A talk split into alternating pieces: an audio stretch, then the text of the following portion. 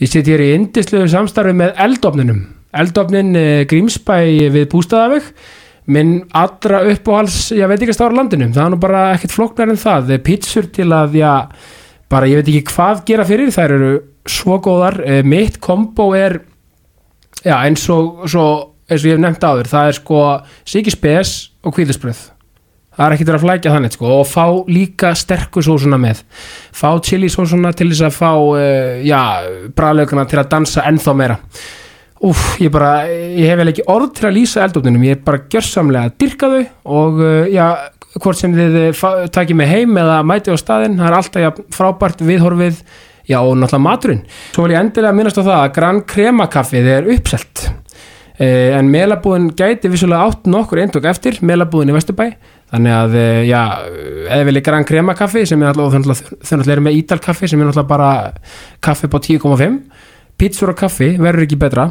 Já, þið viljið fá uh, Gran Crema kaffi þá þurfum við bara uh, eitthvað öllítið að býða en melabúðinni svo segi, gæti átt nokkur eindok eftir. Þannig að endilega tjekkja á því. Allir að fá sér kaffi og pítsu Svo kynni ég til leiks nýja indislega samstarfsadala og er ég indislegu og frábæru samstarfi með Kölska Kölski, síðumúla 31 Reykjavík. Það ég orð fá ekki líst hversu magnaðir Tommi og Hjölli eru. Uh, ég kom alltaf inn í síðumúlan um daginn spjallaði við Tomma. Uh, þetta var svo labba inn í búð á Fifth Avenue eða á Bond Street í London. Þetta var svona lyktin, stemmingin listaverkin uh, þú veist Það er eitthvað, það er eitthvað andi aðna sem er óútskýranlegur, fötin eru náttúrulega mögnu sérsömið jakkaföt og allt í bóði, það eru þeir eru með sko vörur bara allt frá sko þú veist ég veit ekki hvað, bara allt sem tengist eh, já fancy dressing eins og maður segir og hérna sér saumað allt saman. Þetta er náttúrulega bara þeir eru snillingar og ég slakka mikið til þessa indislega samstarfs með Kölska, Kölski síðumúla 31, allir að kíkja þangað sem vilja fá uh, háklassa og gæða jakkafött Gestum í þessa vikuna er Hildur Björnsdóttir Hildur er uh, borgarföldrú fyrir sjálfstæðisflokkin uh, algjör snillingur og var ríkalega skemmtilegt og gott að tala við Hildi. Hildur Björnsdóttir, gjör svo vel.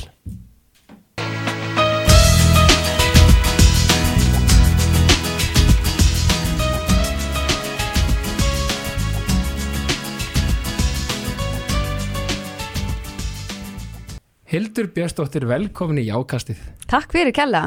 Sko, ég, hérna, hvernig finnst þér að vera komin í svona hlaðvarp sem er með yfirskriftina jákvæðni? Mér finnst það bara frábært. Er það ekki? Jú, sérstaklega ég starfi í svona umhverju sem er oft svolítið neikvætt. Þannig að það er bara ágætist tilbreyting.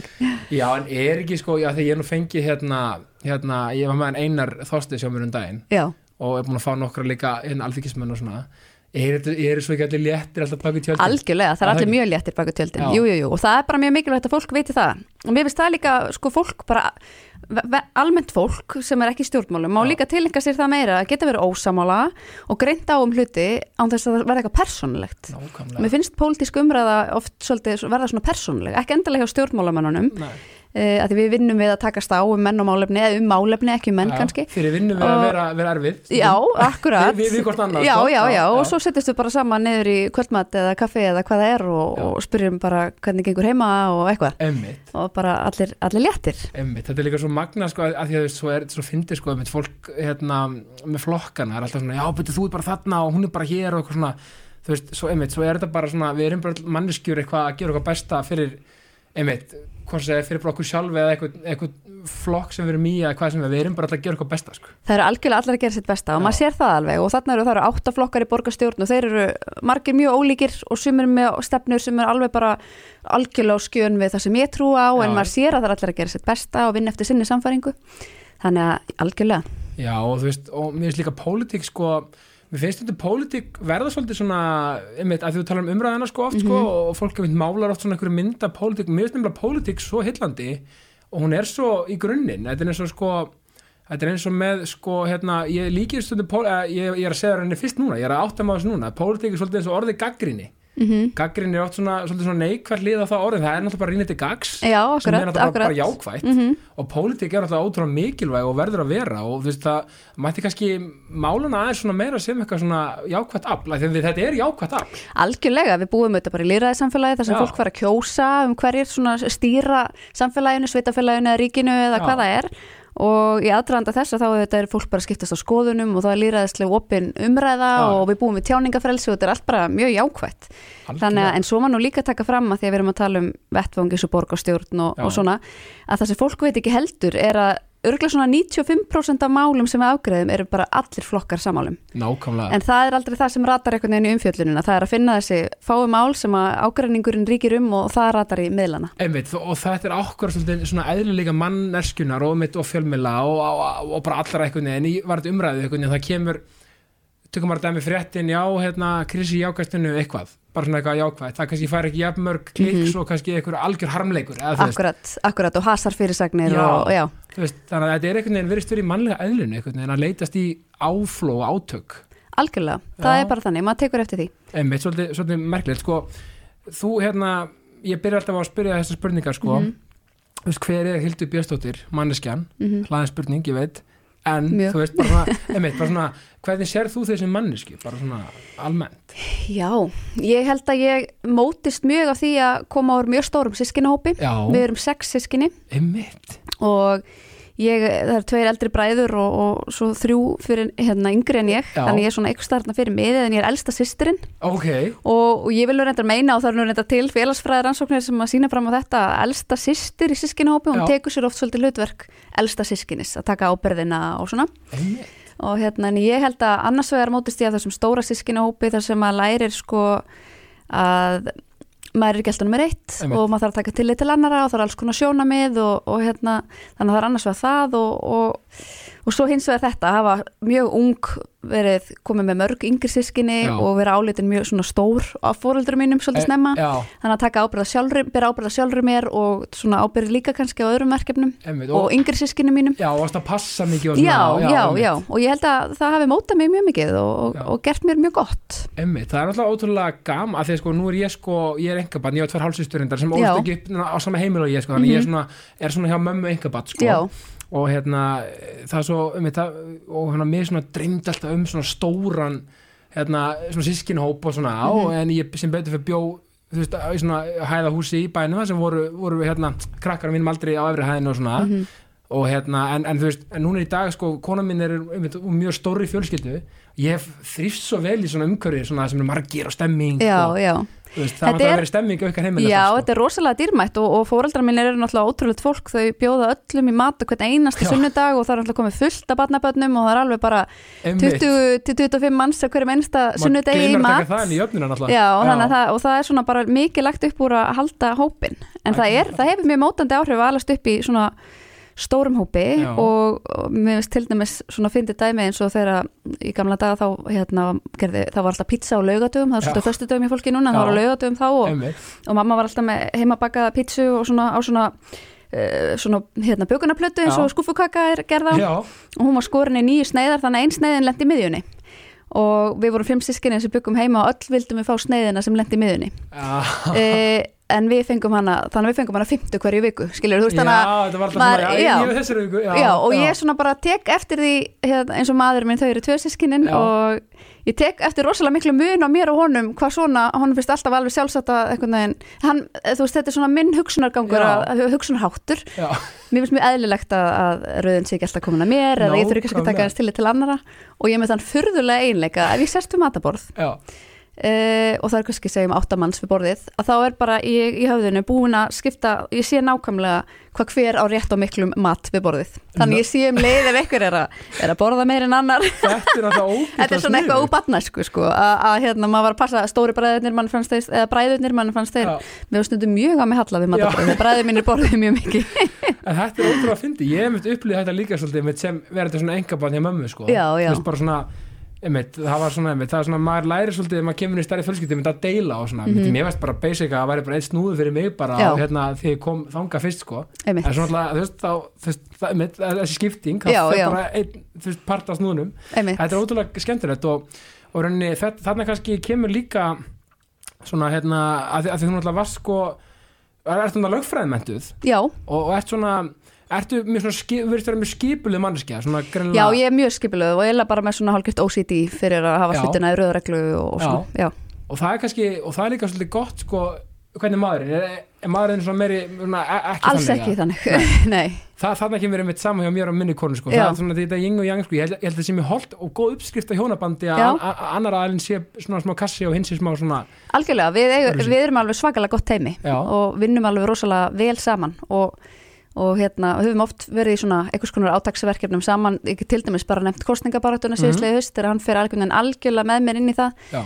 og ég tók er- einmitt eftir því Já, hann var alveg ótrúlega maður Já. og er og í tilfellum sumra hjóna eða para þá getur það verið svo erfitt að vinna svona mikið saman en það er okkur gengur mjög vel að gera það. Já, einmitt, og það er svo mikilvægt og, og svo gott einmitt, að vera með svona partnerinn in crime, eins og maður segir þá er crime ekki mynd Nei, einmitt, ég skil bara, það við. Já, bara svona, þú veist, það er svo indislegt og maður sá það einmitt svo vel, eins og ég segi, í, í, í barðunni þeir voru svo sam, samheldin og það var svo mikil svona stemming og, og, hérna, og meira því eftir sko, en, en, en þú náttúrulega ferði í Vestló Mm uh, og var það, sko, þú bjóst náttúrulega í San Francisco. Já, ég, fæ, ég fætt þar, einmitt, þú ert aldrei búin að vinna hérna heimavinnuna. Já, aðeins að grafa. Já, uh, fóreldrar mér byggu þar í 12 ár og pappi var, já, pappi fór í, í nám, hann var í eh, hérna, meistaranámi í jarðskjáltaverkfræði Já, vá. og þau búa þar í 12 ár og ég hérna fæðist þar. En við flytjum heim þegar ég er þryggjara en ég svona byrja á, ég læri ennsku þegar ég er bara lítil og Já. það var svona partur af, hvað ég segja mínu fyrstu, fyrstu málkunnóttu var íslenska og enska. Einmitt, og er það með bandarist ríkisfanga? já, já, er, þetta finnst mér alveg magna já ég, mér, þetta var svolítið partur af mínu identiteti þegar ég var krakki. Mér fannst Já. þetta rosa merkilegt að Já. ég væri amerísku ríkisborgari. Og ætlaði mér alltaf að, búa í bandaríkjunum. Í, en svo finnst mér nú kannski uh, samfélagi það er ekkert eins spennandi nú til dags eins og mér þótti að þá Já, svona hver menning og, og, svona. Einmitt, þannig að hérna ég svona kannski sæki frekar í Evrópu. Já, einmitt. Nákvæmlega, já, nákvæmlega, það er náttúrulega kannski þeir eru ekkert alltaf að baða sig í, í hérna, svona jákvæði ljósi alltaf. Nei, auðvitað mjög ólíkt milli fylgja. Já, ég, ég já. hérna segi það nú ekki. Algjörlega, en San Francisco er náttúrulega mjög hérna, borgin, ferðu, ferðu oft ánga núna? Ég hef ekki farað ánga sen ég var krakki, ég verða að fara bæt úr en þau eru auðvitað í Kaliforni mjög liberal og, og hérna mun svona líkari evrópskri menningu að mörguleiti eða svona vestur-evrópskri. Já, og er ekki með San Francisco ég held að hún sé bara ein mest liberal borg í bandaríkjunum Já, það held er mjög, svona hérna Það sé ekki þar og New York og eitthvað svona Já. þessu staðar. Mm Emmitt, og hérna, og hérna þannig að þú mættir að fara hérna brekkuna fræðu sem er alltaf í bíómyndunum hann að Öruglega, hef Já, enga, enga minningu að því en öruglega, þá áttu að inni já, algjörlega, sko, svo náttúrulega flyttur heim og þú flyttur í Hafnafjörð já. og, og þú ert þar svona bróðupartin af Já, æskunni. já, við flytjum fyrst eitthvað til Reykjavíkur en já, þegar ég, jú, þegar ég fjögur ára þá flytjum við Hafnarfjörð og Já. ég bý þar þar til ég er tvítug, þannig ég fer í grunnskóla þar, hvaðleirarskóla og svo fer ég í Vestló í, í framhaldinu. Og í rauninni þá bara frá þeim degi þá sótti ég allt mitt til Reykjavíkur. Já, bara skólan og vinina og, og hérna. Og já, þannig að ég svona beið fyrsta tækifæris að geta flutt til Reykjavíkur einmitt, og varst mjög greinlega öflug í félagslifinu varst náttúrulega í Morfís og, og, og fórst ekki getur betur og það allt eða? Ég fór, nei, ég var endur ekki getur betur, ég var Nei. hérna formað Morfís og, og hérna og já, var svona líka mikið bara innan, innan, ég segja, innan skólakeppnunum og svona, það er rosa gaman af þessari ræðimennsku og Já, var í Vestlunarskólablaðinu og alls konar. Já, einmitt og hérna, það, já, og ég segi það nú og það er rosa merkilegt að hugsa tilbaka allt þetta sem þessir ungu krakkar er að gera eins og bara að reka þetta nefndamót Já. eða gefa út þetta Vestlunarskólablað og þetta eru, eru rísa operation sem Já. að kannski 19, 18-19 ára krakkar er að reka, það er mjög merkilegt. Og þetta er rosalega góður og mikill skóli og þó ég gerir ekki lítið úr náminu sem er auðvitað mjög gott að þá er það mikilvægsta sem ég fekk út úr því að vera í Vestló er allt það sem ég lærði í þessum félagsstörfum einmitt, það segja það spurning. eða flesti Já, það var bara, já, og svo þetta bara þessi tengsl við alltaf þetta skemmtilega og flóta fólk sem að Já. hefur margt fyllt manni áfram. Og jáfnvel bara þó það fylgir manni ekki hverjum, á hverjum degi þá er þetta fólk sem að leita stundum til einmitt, það er að gera ykkur skemmtilega hluti og svona. Einmitt. Er ekki 86 árgangurinn? Jú, það passar. Sko þannig að þú að þá að ég til fólk sem ég þekki, ég meina Friki Mhm. Dór var hann 88 hann aðeins og eftir og náttúrulega Þórdís okkar kona á bylgjunni og Já, einmitt, einmitt, hérna- ég kynntist þeim báðum Benni Vestló og Fannar, þetta hérna, voru arfar hérna. Jú, jú, jú, Já. og Jón náttúrulega bróður frikka, hann var já, Jón ári eldri en ég held ég, já.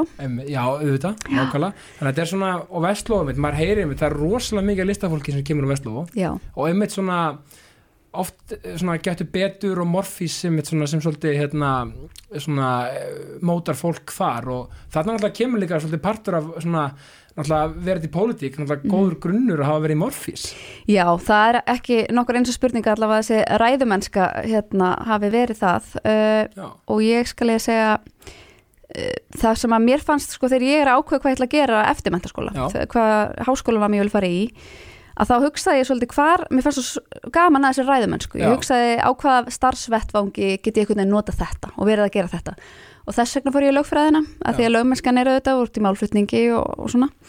Uh, en síðan þegar ég fer í háskólan og í lögfræðina er mitt uh, ég hef nú ekkert gaman að sko, mér finnst Nei. að, þú veist, hérna, ég fór líka stjórnmálafræði sko. Uh, en þá fór ég í stúdendapolítíkina og minn svona, og þá get ég sagt það sama og með vestló og þó að auðvitað þú ætlar að starfa sem lögfræðingur er mjög mikilvægt að þú kunni námsefnið og, og hérna Algjörlega. öðruvísi kemstu auðvitað ekkert í gennum námið. Nei, nei. en það sem að var samt kannski að dýrmætasta sem ég tek út úr háskóla árónum er aftur félagsstörfið Já, og þessi stúdendapolítík og hérna og þar svona kviknaði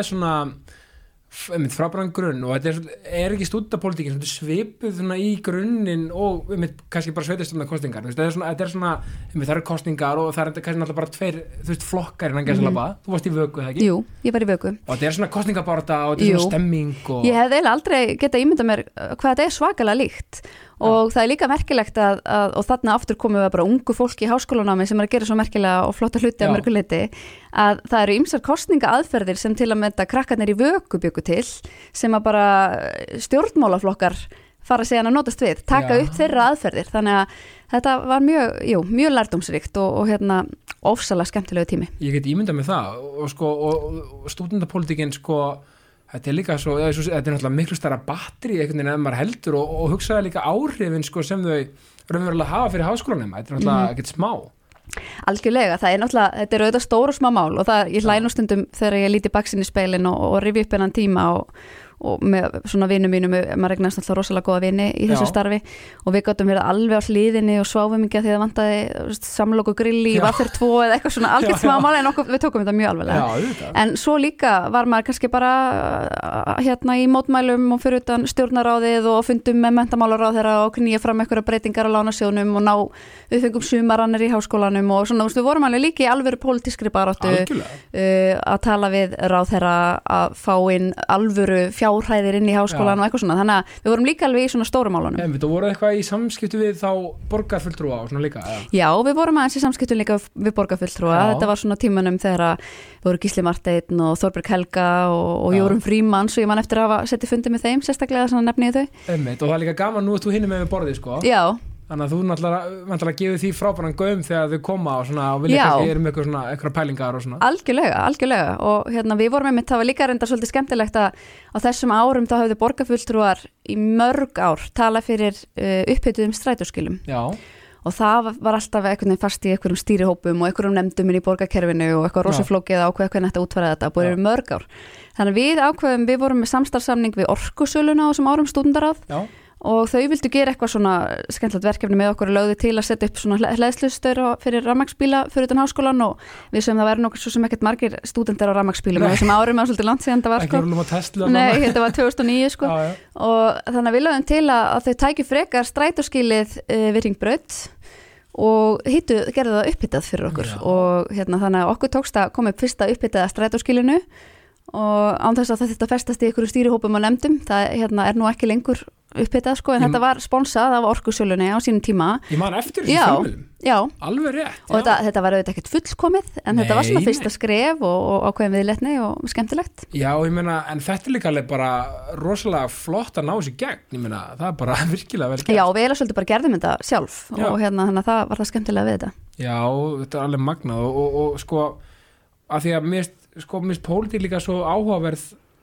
af því að þú veist þarna einhvern veginn þarna einhvern veginn líka ertu með sérstaklega þessi pólitík sko á þessum aldrei þá ertu með vinuðinum og þetta er svona æ þú veist þetta verður svo myndast svo einhver góð, svona frábært að því ég veit um fullt af vinahópum með mitt Mhm. í dag stórum sem eru úr stúndapólitíkinni akkurat þannig Já, maður eignaðist alveg svakalega dýrmæta vini á þessum árum og þetta er líka bara sá tími í lífinu sem að allir voru ballausir, ég reyndar var það ólitt á mínu fyrsta batni þegar ég er mitt formaða stúdendarás Já. en, en, hérna, en við, svona, maður hafði bara allan tíma heimsins eitthvað nýja stúsa í þessu og, og velta okkur upp á þessu og svona, við lifðum alveg mjög fyrir þetta. Einmitt, Tókum var ekki, hérna, var ekki með þessum sterka hóp ykkar eh, vinkona minn og Sunna Kristín? Jú, akkurat, Einmitt, jú, hún er úr þessum hópi sama. Emmitt, Heldur betur. Aldrei kannur sem kom úr þessum hópum þar Já, þetta var mjög sterkur hópur og, og gaman að sjá hvað allir eru að gera flotta hluti í dag, Al- bara hver í sínu geira og það er aftur þetta, og ég man þegar það var verið að selja mér að koma inn í vöku hérna Já. á fyrsta svona kynningafundi sem ég fór á og þá var nú ekki erfitt að selja mér það, Nei. en ég man að eitt af sölupitsunum var að ef þú ert bara í félagstarfinu í þinni deild eins og ég verið lögfræði, ef ég hefði bara verið í félagstarfinu þar þá er ég bara að kynast lögfræðingum.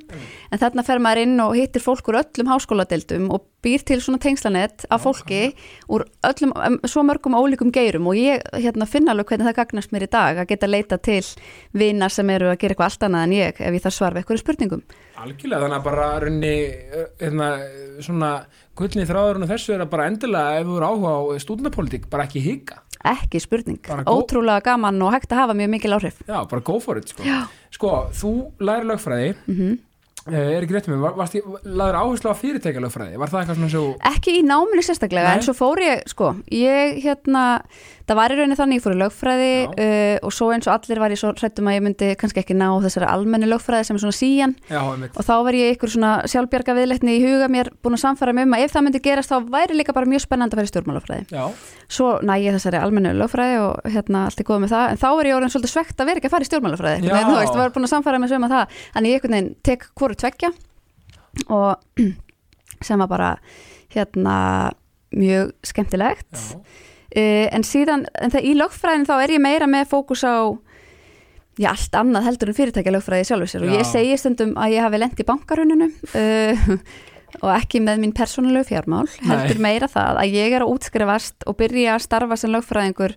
Ég byrja raun að vinna lögmálstofur 2010 Já. þegar ég er í meistaranámi og það er bara svona stuttu eftir bankarun og, og þá er svolítið verið að vinna úr uh, hérna uppgjöru á gamlu böngunum og, og svona þannig að ég lendi svolítið að vera að vinna fyrir erlenda kröfuhafa. Já, og, og Rétti, eða? já, ég var á Já. rétti og var alveg frábæri vinnustæður það var rosalega skemmtilegt að vinna þar en ég kannski get ekki sagt ég hef eftir ástriðu fyrir verkefnunum. Nei, einmitt, einmitt. En hérna og, og svo ákveði ég að ég ætla ekki að venda hvaðið minn í kross og kynnist Jóni manninu mínum að hann býr í London og, og hérna og ég ætla mér að flytja, út til hans og, og fara í nám og er að sækja um skóla og svona. Þá býðst mér frekar óvænt starf á Logos í London. Ok, Og- já, ok. Já, og sem að vara auðvitað mjög spennandi tækifæri. E, svolítið á grundvelli þessu að ég er með þennan bakgrunn í að starfa á þessum vettvangi. Já, e, þannig að þá fer ég svona meira inn í mitt fyrirtækja lögfræði.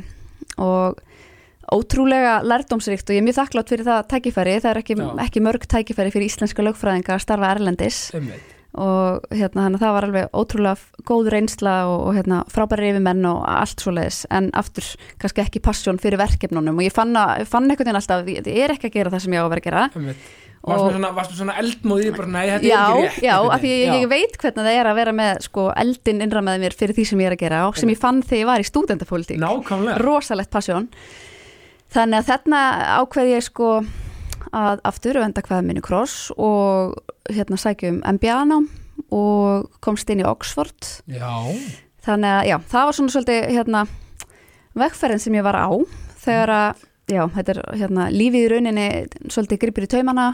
Ég er hérna ólétt að mínu þriða batni já, og við erum, og við erum búin að flytja alla búslóðun okkar, við byggum í London sko, fyrir liti hana frá London í geimslu í Oxford. Og erum bara í sumafrí á Íslandi. E, við ílengjum staðins í þessu sumafrí vegna vinnu mannsins minns þannig að við ákveðum að ég muni bara fæða dóttur mína á Íslandi. Já, og svo sagt, veikist ég sem gerir það að verkum að, að við förum aldrei aftur út einmitt Þannig að þegar, þannig að þegar þú greinist þá ertu, þá er þið bara, eins og sér þá er þið bara að, að bara íhuga það bara að mynda að klára einmitt, fæða batnið og allt Já, þetta og svo ætlum við bara út Já. og, og hérna, koma okkur fyrir inn í húsnaði Oxford og svo er ég bara að byrja í skólanum sko, með nýfætt batt sem var smá svona og það var ekki á planinu, þetta gerist allt svona Nei, hérna, en ég var búin að tala við skólan og við ætlum bara að finna út úr þessu. Og það vildi nú svo og skemmtilega til að önnur íslensk stelpa hafði byrjað í sama námi árinu undan mér sem Halla Vilhjálmsdóttir Koppel, Já, leikona líka og, og hún hefði eiginlega gert það sama að verða Já. svona ólétt og, og mæta til náms leiks með nýfætt bann þannig að þau voru bara hvað er að sem íslensku stelpu Já, nákvæmlega, því líka töffara Já. Já, þannig að sko þannig að sko þannig að, einmitt, ef við, ef við klárum London sko, Já, og já. Hvernig var að búa í, í, í Breitlandi, í London? Mhm. Það er algjörlega frábært. Uh, Við vorum ekkert að plana að koma aftur til Íslands neitt í bráð þannig að merkilega er að ef að lífið hefði ekki gripið einhvern veginn inn í þá væri við örgulega ennþá þar. Einmitt, uh, Það eru þetta allt annar taktur heldur en á Íslandi uh, maður til að mynda hérna þú ert búin snemma í vinnunni og þú getur svona stimplað út klukkan 6 já, og þá áttu Já. eftir alla lestaferðina þannig að maður er kannski að koma heim klukkan 7 ef maður er heppin maður er heppin, þannig að og svo maður með fjölskyldu þannig að hérna, það er eitt í þessu uh, Og hvað bygguði í London? Við byggum í hverju sem heitir Shepherd's Bush. Já, það er svona nokkunnalagt Notting Hill sem margir Ó, kannski Íslendingar þekkja. Uppáhalds veitingastarfinn í London í Notting Hill. Aha, já, Osteria Basilico, bara sjá Ah, það að já. fara til London, farið að fá okkur pítsu þar. Ég minn inni. Ég hef ekki prófað, ég þarf ekki að gera það Já, næst þetta er frábær staðsning er ekki, svona, er ekki hérna, túb sem heitir Shepherd's Bush? Jú, akkurat, já. þannig að við byggum svona e, í kílómetri sköngu færi frá túbstöðinni Já. sem að þykja voðstutt en Já. svo fyndið hér á Íslandi finnst fólki rosa langt að þurfum að ganga já. Nákvæmlega. Þannig að hérna, já það var bara alveg frábært. E, það er líka frábrugðið að ég þótti rosalega ung, ég var þrítug þegar ég var óleitt af mínu þriðabarni Já, og var að vinna á lögmannstofu og þetta þótti mjög sérkennilegt og ef fólk sá mig kannski, ég var að tala við eitthvað hérna, ef fólk sá mig með börnum mín þá heldur þau, að ég væri badfóstra Í ekki mamma þeirra. og hérna og ef þau vissu að ég væri ólitt af þriðja barninu þá hlíti ég bara að vera e, kannski, hvað ég segja hérna, eitthvað svona utanveldi í samfélaginu eða allavega Já. ekki hérna, mikið svona ekki á þeim stað allavega sem að ég var á sko. Það var mjög óvenjulegt að vera já, hvað ég segja, vinna inn í city veist, og, og vera hérna, lögmaður og eiga svona mörg börn. Þannig að stemmingin mínum er bara þrítur að barn, bara mikið eftir ung bara, allir bara, vá, voru svolítið að byrja að snemma Já, veist, ok, inn, í, inn í London sko og, kannski, og það stafar auðvitað sérstaklega af því að, að sko, það er í rauninu þannig að konur eru inn í London Já. í þessum svona heimi uh, mikið er kannski ekki að byrja að eigna spött fyrir nú fertugt. Ok. Og þá auðvitað líffræðilega er það svolítið erfiðara. Uh, hérna, og svo eins og það var til dæmis einn sem ég vann með sem að byrjaði bara um það leiti og, og eignast tvö börn svona nokkuð stuttum millibili og svo vorum bara með tvær batfósturur í fullu starfi þetta var ekki íslensk kona sko, hún var Nei. ensk. Og þannig að hún kannski var ekkert mikið með börnunum sínum það voru bara hérna og það er þannig líka í Breitlandi að börnin fá það sem kallast tí um svona fimmleiti, það er Já. kvöldmaturinn þeirra og þau Já. eru svo bara fann að sofa klukkan sjö eða eitthvað þannig Einmitt. þannig að hérna fólkið sem geira svona, ég upplifði allavega mjög frábriðið okkar Íslendingum, svona reynir svolítið að komast hjá því að þurfa að vera með börnunum sínum á meðan að við erum alltaf að drífa okkur heim til að geta notið þess að vera með börnunum okkar og ég vil bara segja, mikið mér að sorglegt viðhorf að rosalega, já, sko. rosalega sorglegt sko, Og- rosalega sorglegt að, að, þú veist að, og, og meina, þeir eru greinlega og hann er mitt í London Mhm. hann, þú veist, og, í svona í þessu eh, hraða, harða vinnu umhverfi greinlega mikil samkeppni og. Já. mikil svona já, karrierdriven Mhm. stemming sko. Mhm. algjörlega og það er alls konar svona furðu hlutir eins og ef þú hérna stekkur bara út í apotek eða eitthvað á vinnutíma sko, Já. þú veist þá setur fólk hérna jakkan á stólbakið eða heitan kaffipólla á skrifborðið til að láta alla halda á sér bara klóstinu sko, þú veist til að sína ég er í húsi. Já, viðleitni. Já, alls konar svona eitthvað hérna, já, fyndin, Já. bara skrítinstemning en það, þetta allt sem að ég lísti eins og áðan með að konur byrja eignar spött seint og svona, og margar þegar byrja eignar spött svona seint, þá líka bara draga þeir segja hans út af vinnumarkaði. Og þetta stafar auðvitað því að hérna í London þá er ekki svona aðgengilegt að fá til dæmis leikskólaplás eins og Íslandi. Þó Og að við séum auðvitað ekki þó, já, og það er aðalega verðið sem ég þá vísi í sko, þú getur alveg fengið plás en þú ert að borga rosalega mikið fyrir það. Já. og við vorum hérna eins og, eins og ég þekki nú ekki hvernig gjöldin er í dag en þegar við byggum þarna og eins og gengið var þá á pundinu að þá voru þetta um 300 krónur á mánuði. Að þú getur ímyndaðir sko ef þú væri til dæmis með þrjú leikskólabörn. Þá borgar sig þetta bara nema sér með gríðarlega háa tekjur þá borgar sig að fyrir annað fóreldra að vera bara heima og það er yfirleitt mamman Einmitt. þannig að þetta er svona, þau eru ekki komin í jafnbreytti eins og við hér á Íslandi og þess vegna kannski þótti þetta svo óvinnilegt að ég væri svona ung móðir með þrjú börn og allt þetta Einmitt. að því að það kannski týtkast ekki í þessu umhverju en það er líka við hérna vorum með íslenska stelpur sem voru svona í per hjá okkur Já. og við gerðum þetta eins öðruvísi þannig að hérna og svo vorum við svo heppin líka að því að hérna, strákurinn minn er um fjögur ára, þryggja fjögur ára þegar við flytjum út og hérna, börn byrja yngri í skóla úti. Einmitt. og það var nálagt þar sem við byggum þá var skóli sem var svona ofinbært rekin og var engin skólagjöld. Að því að skólakerfið er líka mjög dýrt og það er mjög snoppað fyrir því. Fólki varst mjög skrítið að fólk eins og við sem var í háskóla gengið og er rosalega stjættaskipting sko, akkurat, sko. alveg svaka og fann skrítið að við varum ekki með barni okkur í engaskóla en við vorum með þannig bara góða hérna, e, ofinbæra skóla í Já. hverfinu og sendum hann þangað og, og hérna, mér fannst það mjög mikilvægt sko, því svo horfðum maður á börnin sem voru í hinn skólunum og þau voru öll einhvern veginn kannski fimm ára með eitthvað stráhatta og bindi og, og læra eitthvað á bókfimi og ég veit ekki hvað skilur Svaka, og, svaka já, og bara, já, og svona einhvern veginn inn í einhverju bublu á meðan að svona minn var í skóla sem voru helmingurum voru múslimar Já. og fólk á öllum hérna, þjóðurnum og, og litarháttum og litar, eh, alls- hérna, eh, hvað maður segir. Allt, allt litarhaft Einmitt. hérna þannig að já, það var bara mjög, mjög lærdomsríkt einmitt og, og, og gott. bara veist, og, og einmitt þú veist þú maður heyrir svona þetta orð þetta svona, þetta svona public school dæmi það búið einmitt, talað um að neikvæði séra eitthvað, þú veist, en svo er þetta bara ótrúlega mikið snildvandal eins og þið, þið hérna algjörlega, upplifðu, sko. algjörlega. Og svo var einmitt svo skemmtilegt að hérna, það var uh, mynd sem að það var íslenska konur framleitu sem að hétt Insight fyrir nokkrum árum og þar var, hún var gerða á ennsku og sínt við um heiminn. En þar var einmitt farið á nokkur staði og verið að læra svona hvað hérna, það verið að vera fjallum hvað manneskjan er ekki lengur í snertingu við innsæði sitt og til dæmis indjánar geta svona bara með innsæðinu skinnjað sko bara hvað veður er framundan eða eitthvað sko já. og við eigum að geta einhvern veginn verið í betri tengingu við innsæðið okkar sem Já. á að geta sagt okkur svo margt og allavega í þessari mynd voru svona ymsir staðir og fólk heimsótt sem hafði eitthvað um þetta að segja. Og meðal annars var skóli svona míns heimsóttur Nei. sem var, já, kom mér óvart að við vorum ekki byggum á Íslandi á þessum tíma. Já, en þá var bara mjög margt merkilegt sem var að gerast þar. Já og, í því starfi þar. Og þau voru svona mikið í, í, með krakkana í hugleðslu og eitthvað svona.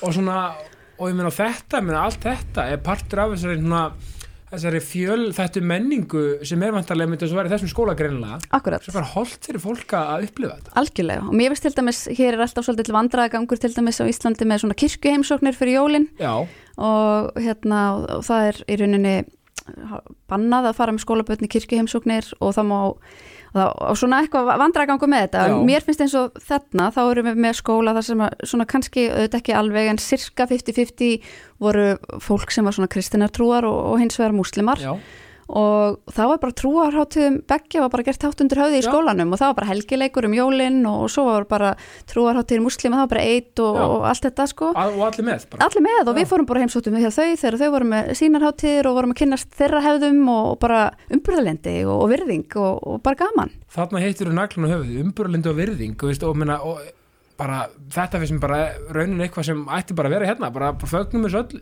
Einmitt. Og bara kynnumst þessu öllu Kynnumst þessu, að það er svo mikið af svona hatri og stríðum í heiminum svona sem stafar af ólíkri menningu og ólíkum trúabröðum og bara fáfræði og vannþekkingu og ef við reynum bara frekar að setja okkur inn í menningar heima hvers annars og skilja af því að allt byggir þetta í grunninn á kannski hinnu sama, bara kærleika og, og einhverjum Svona almennum góðum siðum. og öll erum við bara manneskjur sko.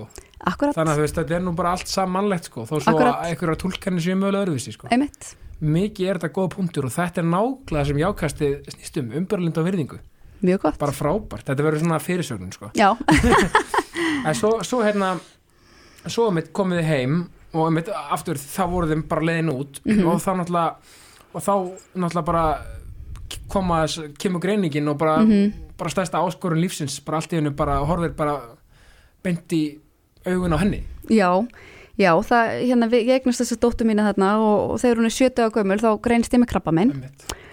Og það var mjög óvænt eh, og ég, mér líður alltaf eins og þurfa að segja sko, eh, hérna, ég er nefnilega þú veist, mér langar ekkert endilega alltaf að tala um þetta, Nei. ekki, nei, ekki, nei, ekki að því að sko, það sé eitthvað viðkomt fyrir mér, heldur að því ég er alltaf svo rættum að fólki hérna úti segja eitthvað viðmyngur, alltaf enn eina ferðina Nei, einmitt, að fara að væli við þessu.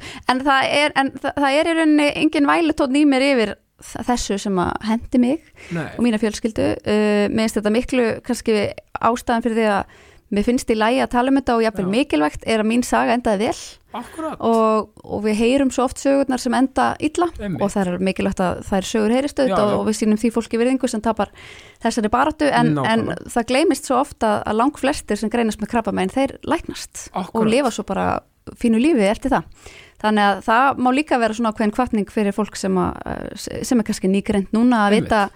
Að hérna svona heilt yfir, þó er þetta mismunandi eftir greiningum, en heilt yfir þá eru líkurnar með fólki. En þetta var auðvitað, jú, þetta var auðvitað rosa áskorun að hérna vera líka bara með, ég var með eitt sex ára, eina tveggjara og eitt nýfætt ég barn. get rétt ímynda mér. Og, en á mörgu leiti held ég líka að það hafi svona kannski bjargað mér að því að já, e, ég hafði engan tíma til að vera að velta mér eitthvað upp úr ég var bara, ég var auðvitað með mikla aðstof frá fólkinu mínu og hjálpuði mér mjög mikið. En, en maður hefur auðvitað nóg að snúast þegar maður er með svona mörg börn og svona fjölskyldu og þannig að ég gata ekkert mikið verið að mér dætt aldrei í huga vorkina sjálfur mér. Nei, mitt og, og, en ég ætla að fá hérna að kvóta að þú sagðir einhverju viðtalinu sem var svo magnað. Og bara svo flott lína, jákvæmt hugafar kemur manni ótrúlega langt. Og, og það verðist einmitt hérna, vera í, í, þessu ferli, í þessu ferli hvað þú tókst þetta á jákvæðinni glasið var alltaf verið hálffullt. Og, og þú veist, þau eru örgulega liftir að fara í gegnum alltaf tilfinningar eins og maður bara á að gera alltaf í lífinu. Mm en það verðist mjög augljóst að jákvæðin var að leiðiljósi allalið hún var það nefnilega alveg algjörlega og mér finnst stundum merkilegt að hugsa tilbaka veginn hvernig manni tókst að takast á við þetta. Ég, ég hugsaði það núna sko bara og ég bara dáist að þér Æ, takk fyrir, þú stolt nú þér, ekki að sko. gera það. En, en ég held að gerist hjá öllu fólki að þegar að flestu það lendir í ykkur svona þá kannski bregst það öðruvísi við en það myndi ímynda sér. Og, og það kemur að það á eitthvað varabatteri þarna sem það vissi ekki af sem að kikkar inn. Einmitt. Og ég hugsaði bara um leið uh, eins og segir mér þetta aldrei huga vorkina sjálfur mér, ég hugsaði aldrei af hverju ég ég hugsaði miklu frekar af hverju ekki ég. Ég hef verið ótrúlega heppin í lífinu og lánsum og af hverju ætti ég ekki að fá áskoranir eins og aðrir. Og, og ég hugsaði líka bara núna geti ég valið mér, ég var staðið fram fyrir þessu verkefni. Það var ekkert sem ég geti gert til að breyta því eða láta það hverfa svona eins og þetta hefði ekki gerst. Þannig ég þurfti bara að velja mig viðhorf. Og ég þurfti að velja mér, ég geti annarkvort bara hérna, lagst niður og farið í fílu og hugsaði af hverju ég og Já. allt ómjögulegt eða bara valið mér jákvætt viðhorf, þetta væri bara verkefni og nú þurftum við bara að takast á við þetta og klára þetta. Og mér tókst meira þess að hugsa það fyrðulega að já, já, ég verður öruglega bara áhugaverðari manneski eftir þetta og, svona náðu eitthvað neginn að hérna, sjá svona jákvæða hliðarnar á þessu öllu. En ég er sko í grunninn rosa mikil bjartsýnismanneski já, og ég trúi alltaf allt fara á besta veg og það, hérna, þetta element í mér kemur mjög oft fram. Og, og stundum finnst fólki ég alveg fáránleg hvað ég er alltaf bara, ég er alveg vissum að allt verður besta bara, já, þetta verður alltaf leið Já, og ég er yfirleitt fyrir ekkert á taugum þegar eru stressandi aðstæður uppi eða sem að fólk alveg bara sefur ekki, ég trúi alltaf að Einmitt. allt verður besta veg Já, og þetta er svona ákveði líka þú veist, þetta, hugafar þú veist, það er svona, einmitt svona svolítið partur af þessu líka svona svona að mynda að trúa því allt á besta veg svona svolítið law of attraction, maður reynir svona Mhm. að svona að að kalla að sér að allt einhvern veginn gangi vel og svona Akkurat, og þó svo með stundum auðvitað gangið ekki upp en, en þá einhvern veginn en einhvern veginn þegar hlutinir og þá er ekki að tala um sko hérna, krabbmenni Mhm. sko, sko ég er bara að tala um bara almennt sko bara, veist, ég er bara að tala um að stundum með eitthvað reyngilega neikvægt kemur fyrir mann þá Mhm. ef maður svona fer alveg svona í eh, svona í dýftina þá opnast oft tvær dyr sko. Einmitt. Og veist og, og þannig að það er rauninni hægt oft að gera úr langflestum aðstæðum eitthvað jákvætt sko Ég held að, ég bara trúi því og ég held að það þurfi allir átt að segja að það fer eiginlega enginn í gegnum lífið án að fá eitthvað erfið verkefni. Og, og þegar þau koma þá það maður bara að hugsa já, ok, hér er mitt verkefni Einmitt. og nú ætla ég bara að takast flott á við það. Nákvæmlega. Og hérna þegar að framleiða stundir og allt hefur farið vel að því ég trú alltaf allt muni fara vel að þá get ég litið tilbaka og verið ánað með það hvernig ég tókst á við þetta og hafa lært eitthvað á því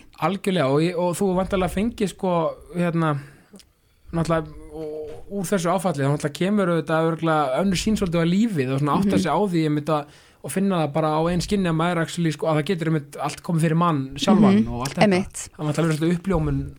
Já, það hérna dauðin verður nærtækari. Já, Eh, það er ekki spurning og það var skrítið að vera þrítugur og hugsa og þú veist, þó ég trúði allt fyrir besta veg þá auðvitað koma augnablik sem ég svolítið faldi fyrir öðrum en átti með sjálfur mér það sem ég hugsaði hvað samt ef. Bara eðlilega. Já, og, svolítið, og var oft svona svolítið að hugsa að undirbúa eitthvað neginn hvernig ég vildi þá hafa það.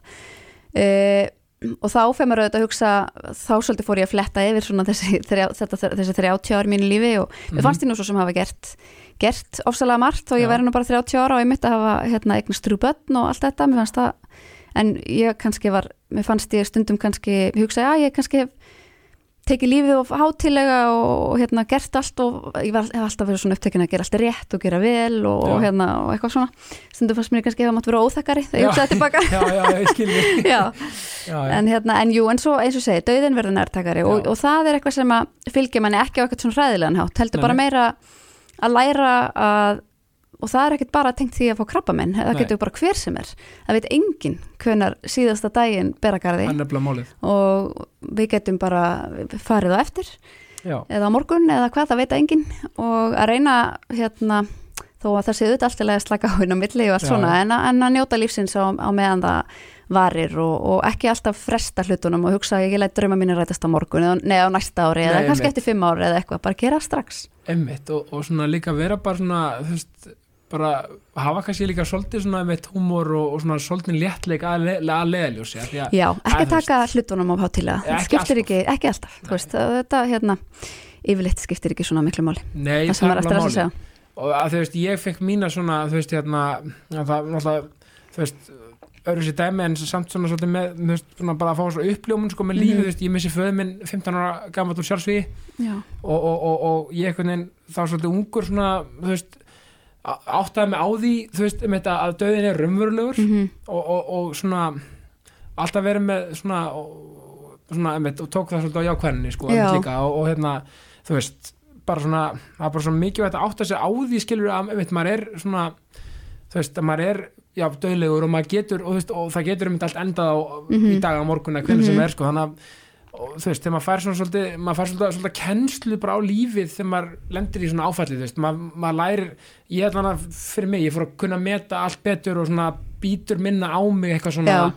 sem skiptir í stóru myndinni kannski ekki það miklu máli. Akkurat, Æ, maður þú fær svona, hérna, ég finn ekki íslenska orðið en svona perspektiv, sko, þú veist, að maður fær svona sjónamið sjóna, já. já, já og annars sjónarhórn og samanböð og, og hérna, já, maður getur svona borið hlutina saman og sett, þú veist, skiptir þetta raunverulega máli í samanbyrði við, algjörlega.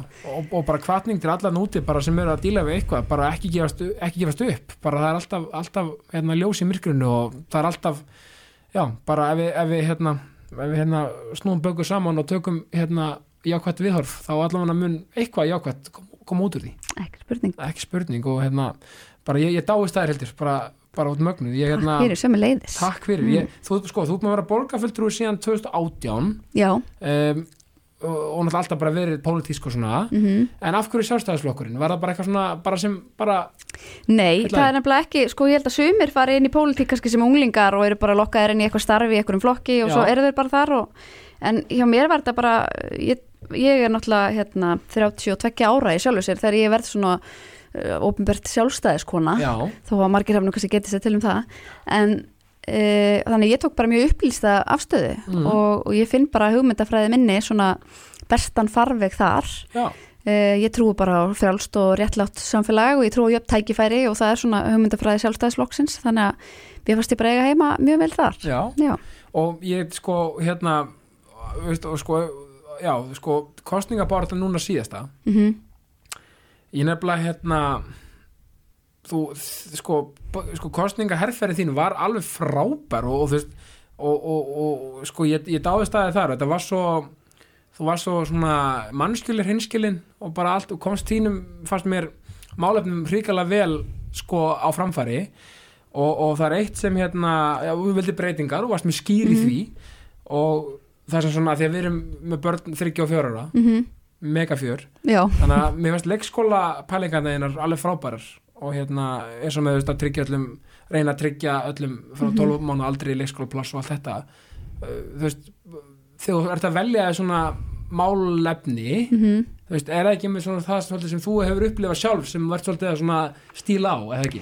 Jú, hérna takk fyrir þessi fallegu orð. Uh, sko, jú, auðvitað er það þannig auðvitað byggir það einhver leiti á manns eigin reynsluheimi og Já. fólkinu sem er í kringum hann. Og þegar að ég byrjaði strax í raunin að setja þessi leikskólamála 8. 2018 þegar ég fyrir fyrsti frambóð Já, og það er oft þannig í svona kostningabortu og það eru valin svona nokkur mál sem eiga að vera aðalmálin Einmitt. og það voru ekkert allir sammála að þetta vera leikskólamálin Nei. og, og það eru þetta alveg stundum þannig að já, þú, allavega svona eldri karlmenn sem að maður var að ræða við voru alls ekkert sammála því og, en, en ég vissi að þetta skipti máli og ég man og minnist þess að í kostningasjónvarpinu 2018 á kjördag að þá er sjónvars, hérna, ég man ekki hvort stöðina var en var, var að grípa fólk á kjörstað og spurja hvað það hefði kosið og hvers vegna. Og þá voru flestir þeirra sem að sögðust hafa kosið okkur sögðust hafa kosið okkur vegna leikskólamálana Já, og mér þótti mér vantum það og áfram svona hefur þetta mál haldið að, þetta mál hefur haldið áfram að vera stórt og, og óleist og, og mikið mandraða mál þannig að það eru þetta ennþá hérna á ottinum hjá mér og okkur í sjálfstæðisflokknum. Ekki spurning. Og við gerum þetta einu svona okkar helsta kostningamáli núna já, eitt af svona helstu þrömmur kannski. Og ég get alveg sagt þér það að það var alveg holskefla af og þetta voru allt uh, eiginlega eldri karlmenn Mhm. sem að sendu mér skilabóð já, og pillur í kostningabarátunni um hvað ég væri nú eiginlega að hugsa að setja þessi leikskólamálótin og þetta væri ekki pólitík og þetta skipti yngum máli og þetta væri ekki vandamál og eitthvað, já og vildu að ég væri frekar að ræða ég veit ekki hvað, já, já. en hérna uh, já, kannski sundabraut eða eitthvað sem ég rætti líka, en þú veist, eitthvað, eitthvað önnur mál. Uh, en svo er það svo, fyndið sko að, og, og kannski sorglitin leið að svo líkur þessari kostningabaratu og það gerist þetta bara í haust sem við spáðum að, að þau, hérna, fjöldi fólk sem var búið að fá lof orð um leikskólapláss fekk þau ekki og það voru rosa mótmælir á þessu og það var rosa heitt og mikið mál og þá voru einhverjar af þessum sömu köllum sko, farnir að skrifa Facebook statusa og alveg brjálæðir yfir leikskóla ástandinu í Reykjavík Já. og allt í innu, þú veist, var þetta. Já, þá var þetta allt í innu orðið pólitík sko En það Já. þarf bara, maður þarf líka bara að vera staðfastur í því sem maður trúir á og, og það fylgir því að vera í pólitík þú ert með alls konar rattir Já. á öxlunum og mér fannst það alveg smá kunst, svona kannski fyrsta árið eða tvö í þessu umhverfi að vera veginn með allar þessar rattir í eyrunum sem er að segja sitt og hvað og passa einhvern veginn að heyra sína eigin rödd samt á meðan. Algjörlega og, og þetta er aftur veist, þetta er veist, þessi leikskólamál veist, þetta er náttúrulega þetta hefur áhrif sko á allt og alla. Þetta er náttúrulega bara hjól atvinnulífsins. Mm -hmm, að börnin fái það sem þau þurfa á og, Mhm. og eiga rétt á og svona, þetta er svona þú veist, þetta er náttúrulega bara örugglega, ef fólk sko kafar í þetta, þetta er miklu mikilværi máli en fólk almennt held ég heldur sko. Þetta er nefnilega rosalega stórt hagsmálumál, ég meina það er nú búið að skilgreina leikskólan sem fyrsta skólastíði þannig að Já. það má líka segja að sé bara réttur barnana að, að komast inn á leikskóla og, og svona hef ég sitt fyrsta mentastig. Em, ég, ég tek Og- alveg eftir því, bara hjá mínu börnum. Þetta er svo mikilvægt ekki nokkur einasta spurning og svo er þetta, þetta bara rísastúrt jafnbreytismál af því að þó það séu þetta ekki alltaf þannig en þá hafa mælingar sínt að það eru í meir hluta tilfella ef batt fari ekki leikskólapláss þá lendir það á mó- móður frekar en föður í, í, svona, í samböndum sem samastanda móður föður. Og, og svo er þetta hérna, vinnuveitundur líka hvert að margir ég, undan þessu og það er erfitt að fá fólk aftur til vinnu eftir fæðingarálof og svona þannig að þetta hefur áhrif á atvinnulíf og ég segi stundu sögun á því að ég fór einu svona í svona heimsókn á bifjölaverkstæði já, og ég var með þingmönnum og eitthvað og þetta var svona heimsókn þingmanna sko, ég var bara svona svolítið með. Já. og, og svo komaður að vilja ræða við mig. Og hérna, og við verðum að ræða við þig Hildur um hérna málinni borginni og eitthvað. Og ég sagði og nú þeir vilja fara að ræða eitthvað hjólastíga eða borgarlínu eða eitthvað. Já, já. Nei, þá, og þetta voru svona kallar alveg, þú veist. Já, og þá var það leikskólamálin. Já. og þá var þarna bara maður sem rak þetta verkstæði og hann sagði ég á bara, ég er bara með lítið vinnustað og ég er bara rosalega vandræði með að fá strákana mína eins og hann sagði, aftur til vinnu. Þeir eru hérna tveir eða þrýr í fæðingarólof og þeir fá ekki leikskólaplás. Nei. og hvað ég að gera? Og hvað er þeir að gera? Já. og þú veist, þetta er bara mega vandamál þannig að þetta er hérna og svo er það ömur og afar eða einhverjir sem eru að ætla bara að vera í golfi eða eitthvað en er alltaf með bandaböndin að því þau fá ekki leikskólaplás, þetta er svo margslungið sko. Þetta verður nefnilega, þetta verður sko, þetta er svona keðjuverkunar vesen algjörlega, þetta er svona, algjörlega, þetta er bara svona púsl já, í, hérna, þetta er bara svona ákveðið tannhjól já, í samfélagsgangverkinu sem að þarf bara að laga. Algjörlega. Og þetta er bara, hérna, áfram, áfram bara Reykjavík í þessum málum. Ég, bara, Algjörlega. þegar, ég, ég, ég hef svo að trúa á okkur öllum, sko, þeir eru bara eru snillingar, ég, sko, og með drauma Reykjavík ég, ég, ég, puntaði það hjá mér mm -hmm. að þeim er svo flott, sko uh, sko, á, á heimasíðinni og í, hérna minnum við að hafa verið í barátunni þessi frelsisborg sem Mhm. þú talaður um Já. Mér finnst það svo flott, hérna flott pæling Já, takk og, og er, er það ekki svona svolítið marslungið svona hugtak, það er að segja Jú. bara svona Jú, ég trúi þetta á frelsið, svona Já. ég við tekum skilningi Já. og frelsisborgin er þá svona ákveðin framtíðasín og ákveðin konsept og það má fjallum það með mjög margvíslegum hætti. E, hérna, þannig að það er til dæmis í borgarstjórni gerð vorum við að fjalla um að styðja betur við sjálfstætt starfandi skóla. E, og þar komum við inn á kannski frelsi fólks til að stopna skóla, frelsi fóreldra til að velja ólíka skóla Já. fyrir börnin sín, ólíka mentun eða mentarstefnu eða eitthvað fyrir börnin sín. E, ég vil sjá frelsi að fólk geti valið úr ólíkum öflugum samgöngumátum í borginni já, að fólk geti valið um ólík en öflug borgarkverfi e, gnagt af húsnæði þú veist að sé bara frelsi og val. Uh, ég hef líka, mér finnst það Reykjavík er rosalega mögnuð borg svona, og það er að mörguleiti eitthvað sem við fáum bara í vöggugjöf sem borg, að að vera við erum með sko lagsveiði á sem rennur í gegnum borgin okkar. Pældu við erum með, já, við erum með ótrúlegt net af reyðileiðum hérna bara í útíðari borgarina sem er líka einstakt fyrir borg, við erum með skíðasvæði í túnfætunum og ótrúlegar gönguleiður og, og fjallendi og, og náleiðina við sjóin, fólk er að fara hérna í sjósund Já. bara, ég býð vesturbænum og þar gengur fólk um hverfið á baðslopp bara því það er að fara út í sjó. Og þetta er alveg geggjað. og þetta er alveg svakalega merkileg borg fyrir margar hlutasakir Já. og núna er alltaf þessi umræðu um að við þurfum e, þúsundir e, sérfræðinga hinga til lands, erlendra sérfræðinga Já. til að geta staðið undir verðmættasköpun og nýsköpun í samfélaginu á næstu árum og þá þurfum við þetta að marka sér til Ísland og ekki síst höfuborgina Reykjavík fyrir þessum erlendu sérfræðingum sem geta búið í London, Paris og Róm þau eru sérfræðingar sem eru eftirsóttur um allan heim en einhvern veginn þurfum við að segja við þá herru, hér er best að búa. Já, en það er ótrúlega, og, og einhverjur hugsa glætan að þau velja Reykjavík, en, en hugsið ykkur samt öll þessi lífskeiði sem við eigum hérna sem að svolítið sem heila auðvitað- borginnar hafa ekki. Nei, og sem er að auðvitað ykkur leiti, jú, við fáum í vöggugjöf og svo höfum við byggt innviði í kringum það eins og hérna, skíðasvæði og annað Já, já. en þetta er, hérna, þetta er mjög merkilegt umhverfi sem við búum við og, og það er gott að búa hér og við, hérna, frelsi og öryggi og frið og, Nákvæmlega. og reynda andrumsloft og vatn og við ekki verðum við fyrir áhrifum á orkukrísunni í Evrópu Nei. og það er alls konar sjóna með þessu þannig að hérna, Og líka því þú nefndi friði, ég ætla að sé ekki sko, kannski fyrir utan Þórshöfn mögulega, ég, kannski, þú veist, ég veit ekki. Mm Mhm. örgulega bara allan í topp tveimur að þreimur þrissalustu borgum í Evrópu. Já, ég held, að, ég held að þessi oft framkvæmdar uh, veit, það er oft framkvæmdar svona mælingar og, svona, og við skorum alltaf mjög vel. Já, ég meina, og Reykjavík, þú veist, hugsaður líka bara hvað við eigum sko falleg, þú veist, allt, ég myndi, að þú að nefna. Mhm. og við erum líka bara að tala um miðbæinn sjálf, ég er nú sjálfur úr Já. Mhm. 101 sko, úr þingoltunum við þykir svo vænt um miðbæinn okkar. Já, og, og hérna, það er svo margt auðvitað, margt sem betum að fara uh, þar en það, veist, veist, það er svo margt, það er svo er mikil efni við þarna. Algjörlega. Hugsaður alltaf þess að veitingastæði sem erum með og, og þú veist, bara top class og Mhm. Þú veist, allt, þú veist, bara menningar dæmið allt sem við höfum þetta er bara því líkur Já. arður sko. Ég var nefnilega einmitt á, á fundi hérna í Bretlandi um daginn og Já. þar hitti ég sænskar konur sem hafðu ferðastóldi til Reykjavíkur og vegna vinnu Já. og þær sögðu að veru alveg ótrúlegt að það er allstar svo stórkoslegu matur á veitingastöðum í Reykjavík Já, þetta er fárulegt Já, sko. og ég er alveg sammála og ég sagði mitt við þar og það hefur svolítið verið mín kenning og veitingamenn hafa reynda sagt þetta líka við mig að smæðin í samfélaginu hérna er svo lítil Já. Að ef að einhver opnar veitingastað sem er bara vondur eða það er plástur í matnum eða eitthvað okkar þá er bara búið að slátra þeim á Facebook, bara á Já, matartips eða einhverjum svona síðum. Já, já. þannig að þú verður bara að standa þig. Við erum svo hérna, lítið samfélag og fréttirna berast hratt. Þannig að það er hár sko. standard sko. Já, algjörlega, þetta er skemmt Já, þannig, að- þannig að ertu mikið að sækja rástefnir út eða, Ekki, sko, það er alveg partur af starfi borgarfulltrú að vera hérna, eitthvað að ferðast og fara á einhverjar rástefnur, ekkert eitthvað rosalega mikið en, en, hérna, en svo ég er henni byrjað 2018, við förum á rástefnu 2019 Já, og svo bara skellur á COVID. Þannig að all, all svona ferðalög bara í rauninni uh, voru slegin af á síðasta kjörtímbili þannig að það geti verið að það verði eitthvað meira um það núna.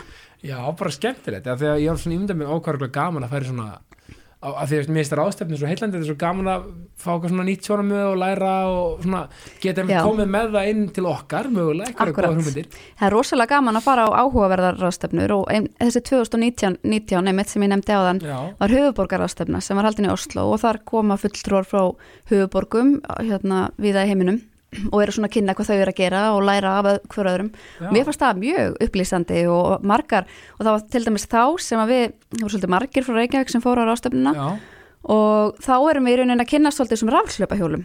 Þannig að við komum innblásin af þessari rástefnu og leggjum í rauninni og ítum svolítið við því að rafslöpahjól komi til Reykjavíkur. Þannig að Já. það var svona, ekki það, að enga framtæki sá alveg um það og, og það hefði alltaf komið endingu. En, já, já, en hérna, mér varst áhugavert til dæmis að ég var í Birmingham um daginn á, á landsfundi Conservatives, sagt, ég held flokksins í Bretlandi. Já, og þau eru bara rétt með eitthvað tilrunaverkefni núna að prófa að leifa rafhlaupahjól. Þannig að, þannig að hérna, mann það voru svo sjálfsæða hlutur sko og það er í rauninni fólki jafnvel farið að finnast vandamál hvað eru orðin mörg í Reykjavík. En hérna, Já, þannig að, Já, þetta er skemmtilegt. Já, Ma, og svo einhvern veginn einmitt svo, svo einmitt, að því að maður hugsa alltaf um þessi stóru lönd að þessu alltaf einhvern veginn komið lengra og maður þurfa að læra þeim og eitthvað svona Akkurat. en svo, er, svo erum við bara komin ríkalega langt í ótrúlega mörgu.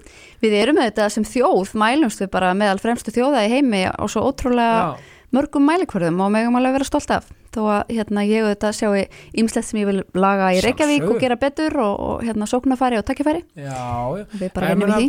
við, kannski, líka bara, líka bara fyrir fólk að núti, skulum bara vera svolítið bara stór í okkur, bara vera ekki bara, ekki vera með hérna einhverja minnumáttakend, bara verum bara og kassa hann út og bara áfram gakk sko. algjörlega, Þa, það er bara þannig og ég aftur svo hérna þegar ég er á þessum landsfundi þarna úti um daginn að þá var mikið verið að ræða orkukrísuna í Evrópu. Já, og maður fylgdist svona hérna Bjarni Benediktsson var í panel hérna einu, einum fundinum. Já, og hann var svona bara stjarnan á fundunum og því að hann náttúrulega hefur þessa sögu að segja af okkur Íslandingum sem fjárfestum í hitaveitunni og já, eru með þessa endurnýjanlu orkugjafa og, og svona. Þannig að fólki þykir þetta rosalega merkilegt Já. og við erum þetta rosalega lansum að hafa sínt þessa fyrirhyggju og fjárfest með þessum hætti og eiga í rauninni auðvitað bara þessar auðlindir.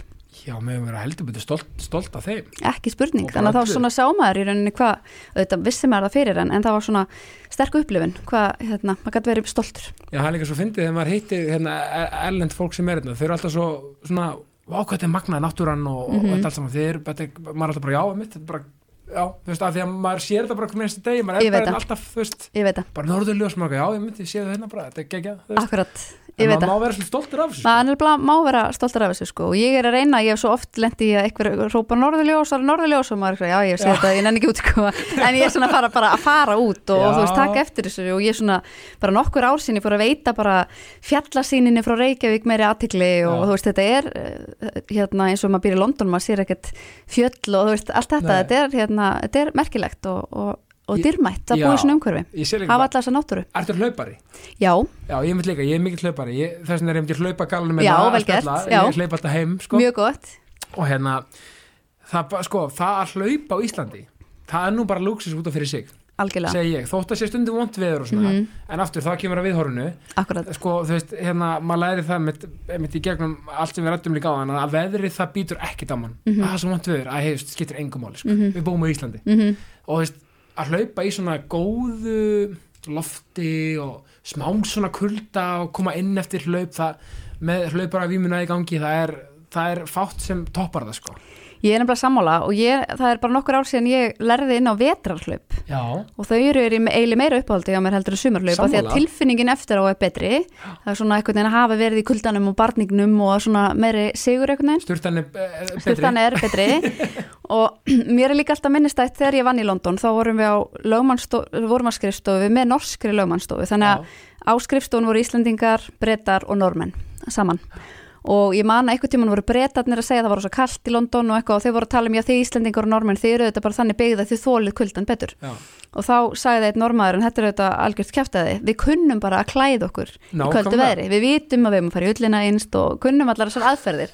Þannig að þegar maður lærði að sko klæða sig fyrir vetrarhlaup þá er það alveg geggjað, ég mæli með því að, að hérna, fólk prófi það, að fara út og hérna, hlaupa í svona brakandi snjó og eitthvað alveg geggjað sko. Ó, já, sjá reikinn svona. Já, einmitt. alveg geggjað sko. Ég, hérna, en gott að hlaupa í Vesturbænum. Það er nefnilega mjög gott. Já, æði síðan sko. Ægi síðan hún er klassík, inn í öskulíð og allt þetta, Ó, þetta er geggjað Er þetta að hlaupa langt á það? Sko, ég reyndar undarfarið er hérna, búin að færa mig yfir í uh, crossfit Já, ok Já, þannig ég er aðeins meira í því Já. en ég gríp alltaf í hlaupin þegar ég kannski kemst ekki tíma eða eitthvað þannig en ég hef alveg, ég hef tekið tímabil þar sem ég er bara að hlaupa stutt, 5 km og svo hef ég tekið tímabil þar sem ég er að hlaupa þú veist, 15-20 km, þannig að ég er bara allir gangar á því, svolítið bara eftir hvernig stuði ég er í en ég er aldrei að æfa fyrir eitthvað sérstakt eða neitt Nei. þannig, er bara svona Og væntalega í þessari hérna svona, svona að þegar má segja mér að vera borgarfylgdur þetta er svona intens vinna að mörgu leiti Já. þannig að það er rosa mikilvægt að þá er minna ég sko líka svona á, á sálina sko Mhm.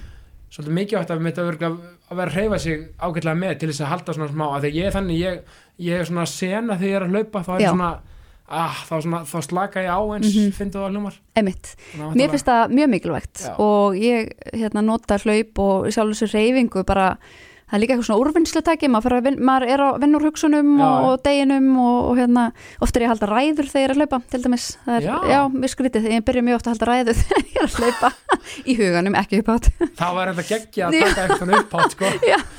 Ég vona ég sé ekki að gera það upp átt. Nei, nei, það er- góð, það er áhugavert, mjög áhugavert sko, og er eitthvað svona er eitthvað svona sem drífur þig áfram í, í leik og starfi, eitthvað bara svona sem eitthvað svona innri drifkraftur já, einmitt, uh, góð spurning, mann langar auðvitað, ég bara finn, og kannski sérstaklega eftir að ég veiktist og ég upplýður svo stert, sko, því að föðuramma mín, pappi minn missir mömmu sína þegar hann er átt ára úr Já. krabbameini og, og hérna sennilega sama og ég fekk en það Já. bara var ekki sama tekni til að greina á þeim árum en þú veist, telum að það hafi verið það sama já, og þannig að ég upplifið mér svo lánsama bara að fæðast á þessum tímum þar sem að læknavísindin hafa náð svona langt og ég hafi fengið bara tækifæri til að lifa.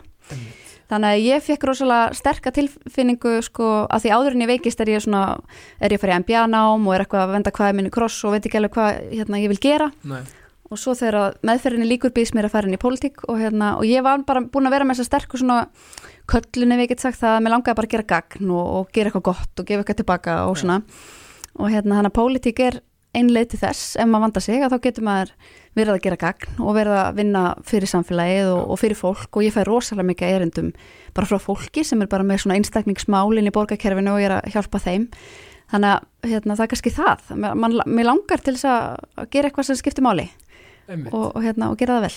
Einmitt þetta, þetta er svo og líka þú veist, þarna færðu bara sko rauninni, og, og aftur, eitthvað sem maður getur tekið þá kannski jákvætt úr erfiðleikum og, og, Mhm. og hérna áfalli þarna fegstu einmitt bara skýra sína hvað þú vildir raunverulega gera. Algjörlega, sem þú hafði kannski verið svolítið búin að svona kveiki þeim næsta áður með því stúdendapolítikinni og og kannski vissir alltaf innst inni. Akkurat, algjörlega algjörlega. Og það var svona og það var í rauninni sko hérna ég fyrir ljósið þegar ég er í endurhæfingu eftir veikindin Já. og þar hitti ég mann sem heitir Matti Ósvald.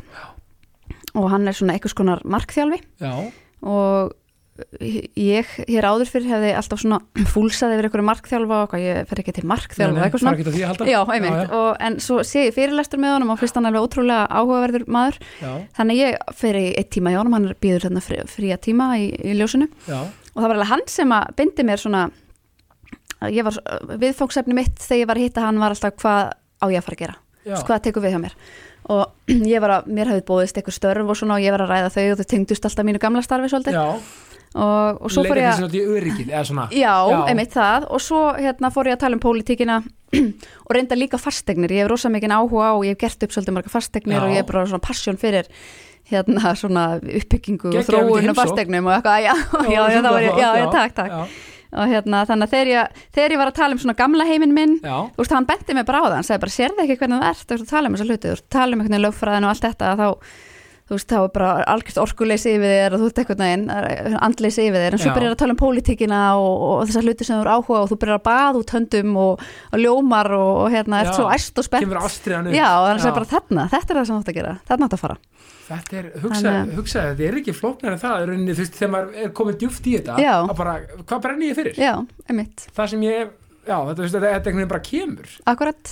þetta já, Matti er frábær og, og hérna, og bara ljósið yfir höfuð, bara já, alveg frábært, sko, stórt og kærleik sjátat og ljósið, bara, algjörlega, bara, vá, því líkt starfsemi, bara, hvet alla til að, hérna, bara, kynna sér, kynna sér starfsemi ljósið, og bara, já, bara ekki tek spurning. ekki spurning og sko svona, ein, svona aðeins að veist, ertu með eitthvað svona ertu með eitthvað óvænt áhugamál sem kannski fólk átt að segja ekki á Mm. kannski fasteininnar Já, sko ég eður rosalega miklum tíma yfir að liggja við fastegnavef Já. hérna, ég les alltaf fastegnavef morgunblassins, já, einhverju hlutu vegna það bara, sko, að- þegar, alveg frá því ég er barn að þá hef ég mikla áhuga á fastegnum og ég man eftir mér svona kannski 11-12 ára bara að býða eftir fastegnablaðinu sem kom ég alltaf á þriðutöfum innum lúna með morgunblaðinu. Einmitt og ég las það alltaf spjaldan á milli og svo kom þetta alltaf inn á netið og þá man ég að maður var í heima, heimilistölfunni og maður þurfti alltaf að ringja sér svona inn. Ég veit ekki hvort að þú, Jú, maður stætti ég- þeim tíma þú ert að jú. byggja um leiði, má ég fara á netið? Því þá lokaði maður símalínun heimilisins og hérna og þá lá ég og skoðaði og, og var alltaf að pæla hvernig ég myndi breyta og já, mér varst alltaf skemmtilegast að skoða eignirnar sem var í niðurníslu Já, og ég mynda mér hvernig ég myndi breyta þeim. Þannig að ég er ennþá svolítið í þessu liggja yfir og skoða og svo fyrir ég að skoða teknikarnar á húsunum og er að pæla og þannig að það er líka eitthvað sem ég hefði haft mjög gaman af að gera væri að vera arkitekt. Ég held að hérna, það er líkur svolítið líka svona ástyrið og, og áhugasvið. Já, og ég er endar alveg þannig þengjandi að, að mér finnst ekki að maður geti bara farið í háskólan á þegar maður er tvítugur. Þannig að aldrei Vá, að vita nema, já, aldrei að vita nema ég hérna, færi mig eitthvað tíma í eitthvað svoleiðis eitthvað tíma setna já, ég meina, það er ætla- segja Nei, einmitt. Þannig að það er svona eh, mjög einkennandi áhuga mál fyrir mig og börnin mín sko eru alveg bara ég farið á rosalega mörg opin hús og svona þú veist og og hérna börnin mín alltaf bara marga bíltúra að kera fram í húsum og þau bara guðum mig góðan mamma hættum að skoða hús. Og alltaf svo sættum að ég sé að fara að flytja með þau sko sem er ekki planið. Nei, og svo er ég mikil krosskátu kona Ok, ég, Já, ég elska að lesa krosskátur og er mjög, mjög snöggaði þannig Já. að mista mjög gaman.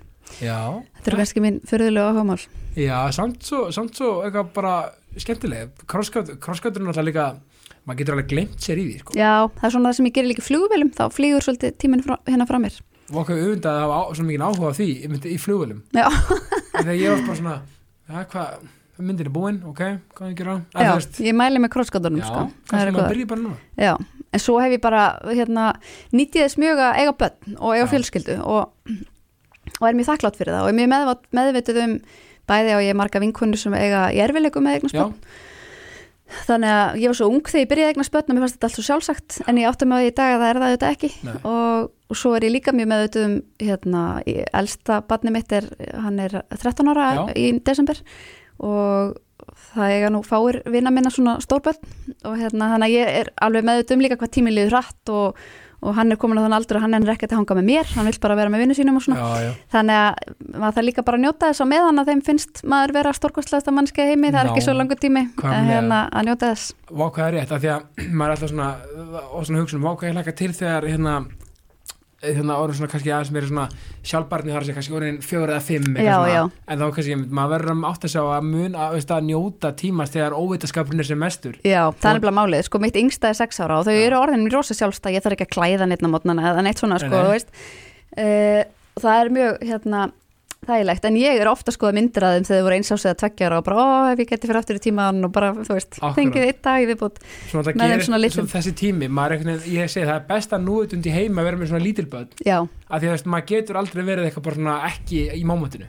nei, einmitt. Þú veist, maður er bara svona alltaf að og, og hérna, þá, það er kannski partur af því að tími bara flýgur. Já, En algjörlega, veist, það er algjörlega. gott, gott að átta og þetta er svo góð punktur hjá þér einmitt með því að átta sig á það þetta er alls ekki sjálfgefið. Nei, og maður allir bara fóldrar núti bara, bara þú veist og við erum bara þakka fyrir hvað maður hefur. Það, ekki spurning. að einmitt, það Það er svo ekki margir að ströggla við þetta og, og svona hann bara algjörlega og þetta er alveg meira áttur heldur. Er eitthvað svona kvartning í lókjum bara fyrir hlustundur, bara svona út í daginn ég, ég held bara að því við erum hérna í jákastinu og, Já. og erum búin að reyna að vera jákvæðum nótum og þá held Já. ég að sé bara rosalega gott ef að það, fólk getur reynda að tilenga sér svona jákvætt hugafar og, reynda svona fara alltaf bjart sínt út í sinn dag og út í sín verkefni. Já, og ég held að í alvörunni, ég trúi bara í alvörunni mjög á mátt jákvæðs hugafars og ég trúi því í alvörunni að það geti koma manni mjög langt. Og ég held að jákvætt hugafar hafi eitthvað smá eða lækningamátt er ekki, þetta er bara, þetta er punktur nefur yfir, Hildur. Takk kærlega fyrir komin í jákastið.